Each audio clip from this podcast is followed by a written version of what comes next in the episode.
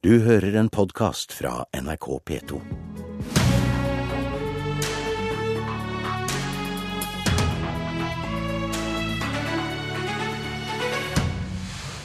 Noreg deler ut fredsprisen i rådhuset i dag. Et steinkast unna i Akershus festning vurderer Forsvaret om vi skal gå til krig. God morgen, klokka er 7.45 og du hører på Politisk kvarter. USA har altså spurt, og regjeringa vurderer om vi skal øke vårt bidrag i kampen mot IS. Men den offentlige debatten, den verka det som regjeringa i Norge ønska å feie under teppet. Det sier du, Liv Signe Navarsete, utenrikspolitisk talsperson i Senterpartiet. Og hva er det regjeringa burde gjort, mener du? Det er et uh, alvorlig steg å, uh, å sende uh, norske soldater, norske jagerfly og annet til krigsområdet. Det har Norge gjort før. Jeg har sjøl sittet i regjering og vet at det er regjeringa som, som tar den avgjørelsen til slutt. Det er, det er tung avgjørelse. Men med den erfaringa i bånn så, så, mener jeg at uh, vi òg den gangen ville stått oss på å ha en større offentlig diskusjon. Og jeg mener regjeringa i dag ville stå seg på å ha en større offentlig diskusjon om i det, i det offentlige rom. Uh, det inkluderer selvsagt òg Stortinget og oss som stortingsrepresentanter. For uh, prosessen slik, nå er jo slik at regjeringa bestemmer seg, så kommer en til Stortinget i et lukka rom, altså den utvidede utenrikskomité. Eh, og forteller hva en har bestemt seg om, og så, og så gjør en det en har bestemt seg for. Det er jo det som i praksis skjer. Da får en ikke noen offentlig debatt om Norges eh, krigsinnsats, eller ikke? Nei, vi har nettopp fått et forsvarssjefen sitt fagmilitære råd. Både han og forsvarsministeren er jo tydelige på at det er lite ressurser og store utfordringer, sikkerhetspolitiske utfordringer, i nordområdet og ellers. Og da, da, bør vi ha en større diskusjon om hvordan vi disponerer de ressursene vi har. Og det bør inkludere òg eh, det offentlige rom eh, i Norge. Michael Tetzschner, eh, stortingsrepresentant for Høyre. Det var altså slik at forsvarsministeren ikke hadde mulighet til å stille i dag, men du kan forsvare regjeringa. Og bør vi ha en brei offentlig debatt om et eventuelt norsk bidrag, slik Navarsete etterlyser? Ja, men det har vi jo. Vi har jo utenrikspolitiske redegjørelser. Vi har stadig diskusjon om forsvarspolitiske spørsmål. Vi har budsjettbehandlingen. Og Dessuten så er det jo ikke riktig slik Navarsete fremstiller det, at um, regjeringen kommer til Stortinget og forteller hva den har besluttet. Vi har parlamentarisme i Norge. Det betyr at regjeringen ikke henger i noe tomrom. Så det betyr at regjeringen meget vel leser uh, det parlamentariske uh, miljøet på Stortinget.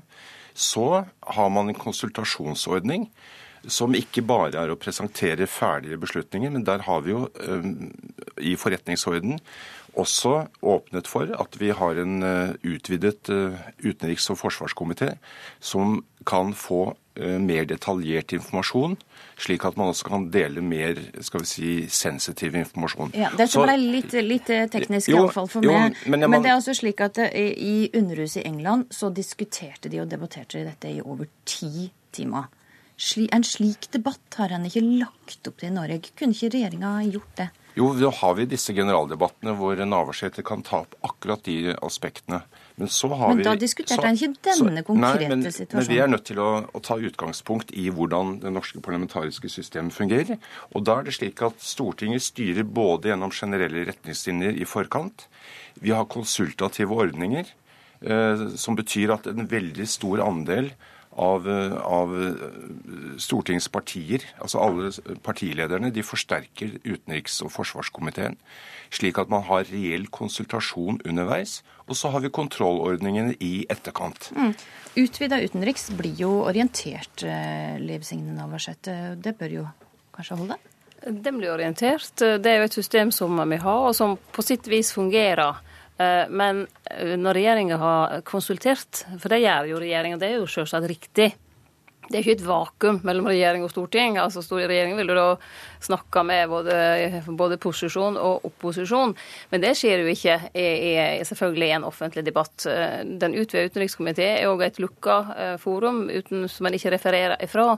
Og det jeg har etterlyst til andre, at, det er en, en at vi er i det offentlige rom og kan diskutere i større grad hvordan skal vi bruke Forsvaret. Hva er viktig framover? Er det viktigere nå, å med de ganske begrensa ressursene en har, å trappe opp Forsvaret i vårt eget nærområde? Norge er et land på størrelse med Italia. Vi har et havområde på størrelse med Middelhavet.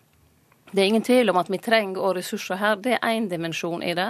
En annen dimensjon er hvorvidt vi skal eh, inn i, eh, i eh, krigen i Syria.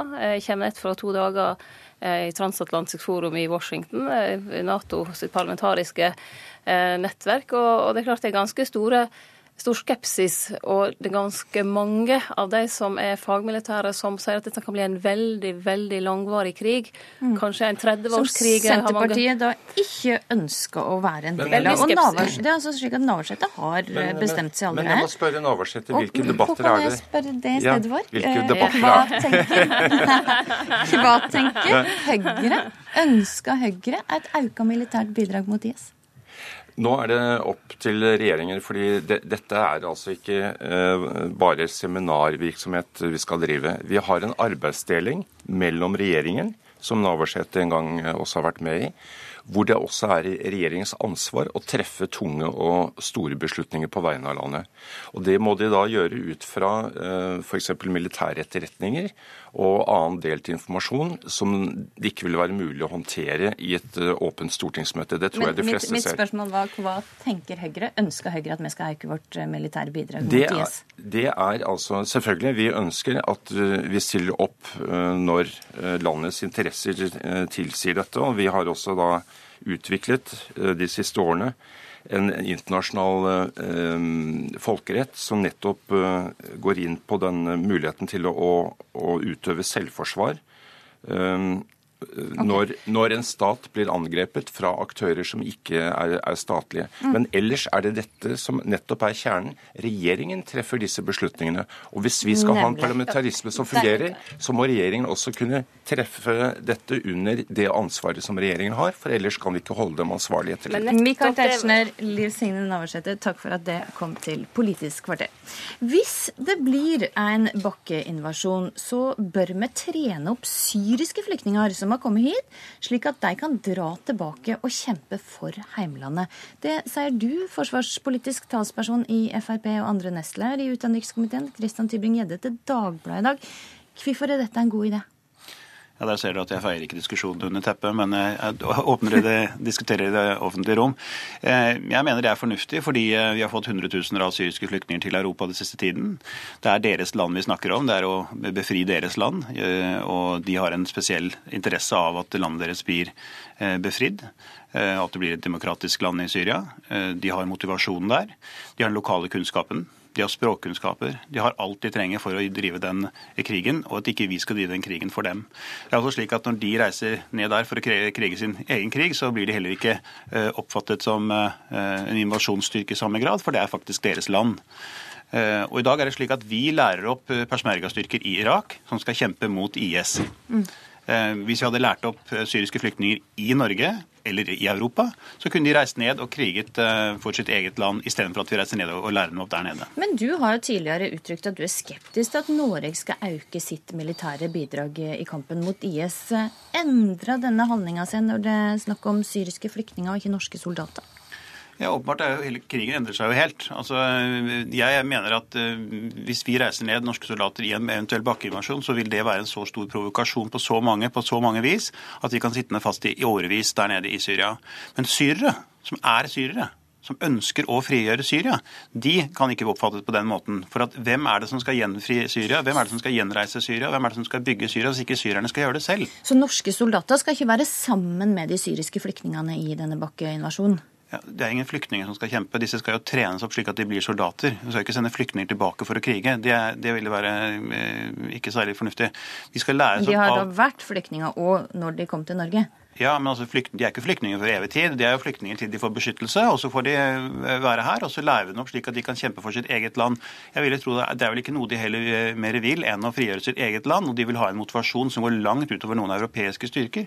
Og selvfølgelig ville de ikke bli oppfattet som invasjonsstyrker slik som, som andre europeiske styrker og amerikanske styrker vil bli. Mm. Mani Hussaini, leder i AUF. Du kom til Norge som syrisk flyktning, og er da en av de som Tybring-Gjedde mener kanskje burde reist tilbake og kriga i Syria.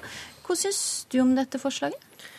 Altså, jeg ville vært forsiktig med å plassere våpen eh, i hendene på folk som har opplevd traumatiske eh, hendelser gjennom de siste fem årene. Eh, som kanskje ønsker å hevne seg på ulike militære grupper, eller om det er Assad eller om hvem det er. Eh, jeg tror vi skal sende folk som er kompetent til å gjøre den jobben. Om det er eh, Eh, nordmenn med syrisk bakgrunn som har gått til norske militære og ønsker å bidra, ja, det er jeg veldig for. Men, å...